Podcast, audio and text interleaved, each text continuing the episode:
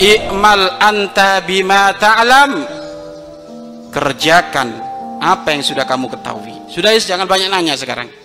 Jangan banyak nanya. Ilmu yang sudah kamu dapat sudah banyak. Setiap hari kamu dapat ilmu. Sudah jangan banyak nanya sekarang kata Imam Ghazali. Tapi banyak beramal saja. Liang kashifalaka agar agar supaya tersingkap terbuka untukmu malam taklam sesuatu yang belum kamu ketahui. Kamu kalau banyak amal nanti akan dikasih oleh Allah pemahaman yang belum pernah dikasih oleh Allah. Maka sekarang banyak amal dulu daripada banyak bertanya itu. Jangan kayak jadi orang Israel. Israel itu banyak bertanya terus. Disuruh bangun malam. Kalau Israel disuruh bangun malam bangun malamnya berapa rakaat? Kemudian kira-kira bangun malam awal atau bangun pertengahan atau bangun akhir? Loh ini kan sudah amalkan aja dulu. Ya maka biasakan beramal. Nanti akan dibuka oleh Allah segala apa pun yang tidak kamu ketahui. Maksudnya gini loh. Hei santri. Kamu itu jangan banyak nyari dalil.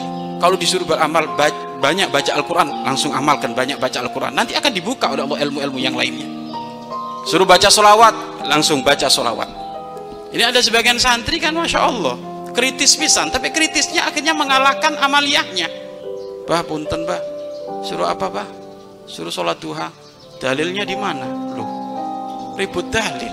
Sholat duhanya kapan? Loh jangan sampai kita ini menjadi orang yang itu dikit-dikit ibaroh. Mana ibarohnya? Mana ibarohnya? Tapi amaliyahnya nggak ada. Sok-sok ilmiah. Ngelamun jadi. Kalau suruh ngamalin ngelamun.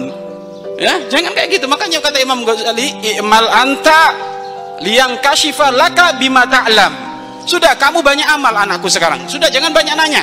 Kalau disuruh na'am marhaba amalkan. Sudah jangan banyak nanya. Agar supaya segera ada makna liang kashifa terbuka laka bagimu bima ta'lam sesuatu yang tidak kamu ketahui akan dibuka